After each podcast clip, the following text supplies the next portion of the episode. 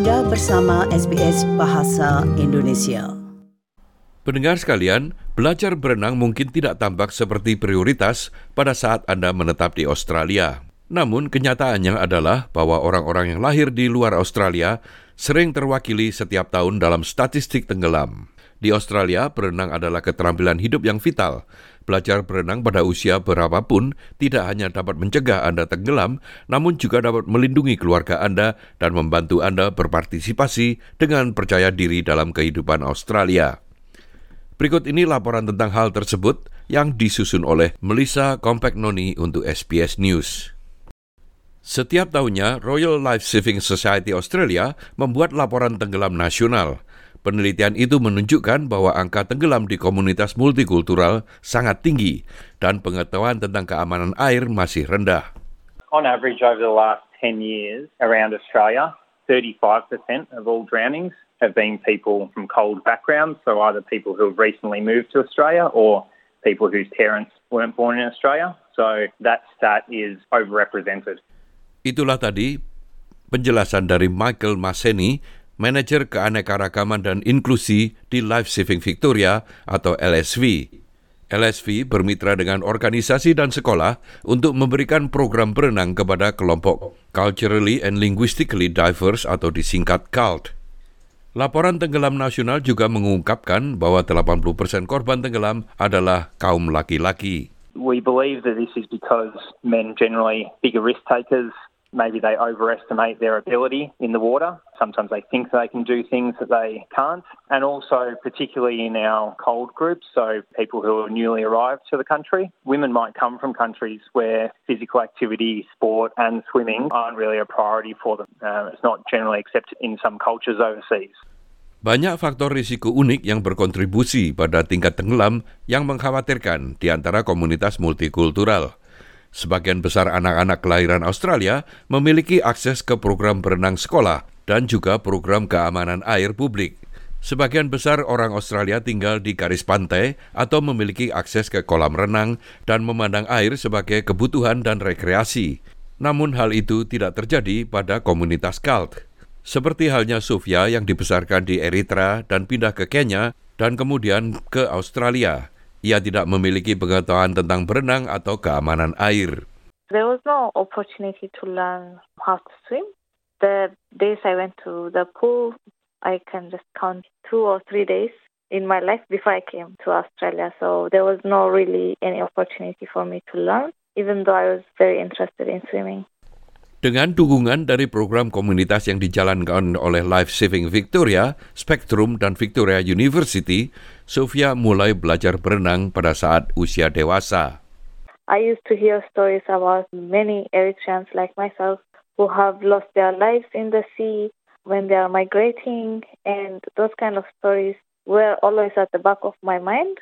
But once I got into the swimming, it's overcoming that fear that you know anything can happen while you're at the pool because I didn't know how to float. I didn't have the basic skills to survive in water. Banyak orang yang baru datang ke Australia sering kali tidak dapat mengenali bahaya perairan terbuka seperti rips di pantai, yaitu arus kuat yang bergerak ke laut dan salah satu bahaya terbesar di pantai Australia. Dan bahaya itu meningkat di sungai dan danau kita. Demikian dikatakan oleh Chit Hansen, manajer pemasaran di Swim.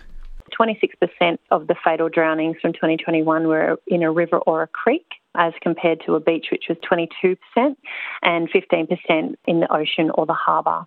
A lot of people are going to remote areas, not knowing the depth of water. There's not a lot of supervision or help in the remote locations. So, outer regional and remote areas, it's a pretty high percentage of drownings. Australia dikelilingi oleh garis pantai dan perairan, jadi belajar berenang sangat penting. Begitu juga dengan mengembangkan keterampilan keamanan air Anda. Ini adalah keterampilan hidup yang vital untuk berenang, memancing, berperahu, dan semua aktivitas air lainnya dengan aman. Program keamanan air meningkatkan kesadaran seputar berenang di antara bendera di pantai, selalu berenang bersama teman, dan memahami cara air dapat bergerak yang tidak dapat diprediksi. Manfaatnya lebih besar dari sekedar menyelamatkan hidup Anda sendiri. Demikian dikatakan oleh Michelle Maseni dari Life Saving Victoria. A major benefit is keeping your family safe. So if you're confident in your own swimming ability, then you'll be more confident in supervising your children and your family around water. So if you can learn to swim, then you can go and snorkel or you can surf or you can be active at the local community swimming pool. And then it unlocks opportunities to be part of the community and participate in common things in Australian life. Jade Hansen dari Oswim mengatakan untuk menemukan program berenang, carilah pusat berenang lokal yang diakui oleh Oswim.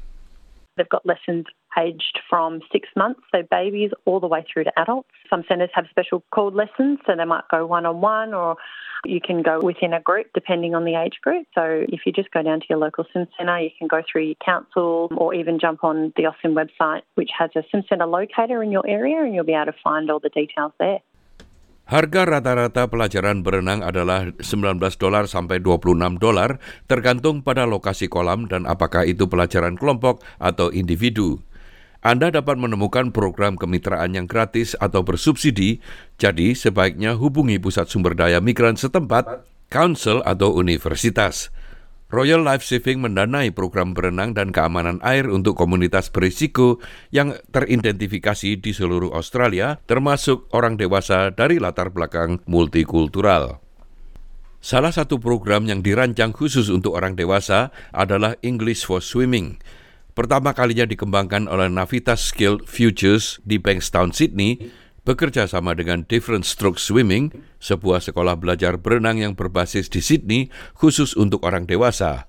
Program ini kini telah membantu banyak migran dan pengungsi untuk mendapatkan keterampilan baru, menjadi lebih mandiri, percaya diri, dan merasa diberdayakan. Sofia telah membangun kepercayaan dirinya yang baru ditemukan untuk mengubah jalan hidupnya. From learning how to swim for myself, I have moved into teaching children how to swim. So that's really amazing because I get to share the skills and what I really love into teaching other people basic survival skills as well as good swimming skills. It's amazing when you see a child who, when they first come into the pool, they are really afraid, and over time, you see their confidence building, and it gives that sense of achievement to me as well. Demikianlah sebuah rangkuman mengenai belajar berenang di Australia yang dapat menyelamatkan diri Anda sendiri dan mengembangkan kepercayaan diri Anda. Rangkuman itu disusun oleh Melissa Kompaknino untuk SBS News dan disampaikan oleh Ricky Kusumo. Sukai, berbagi, komentar.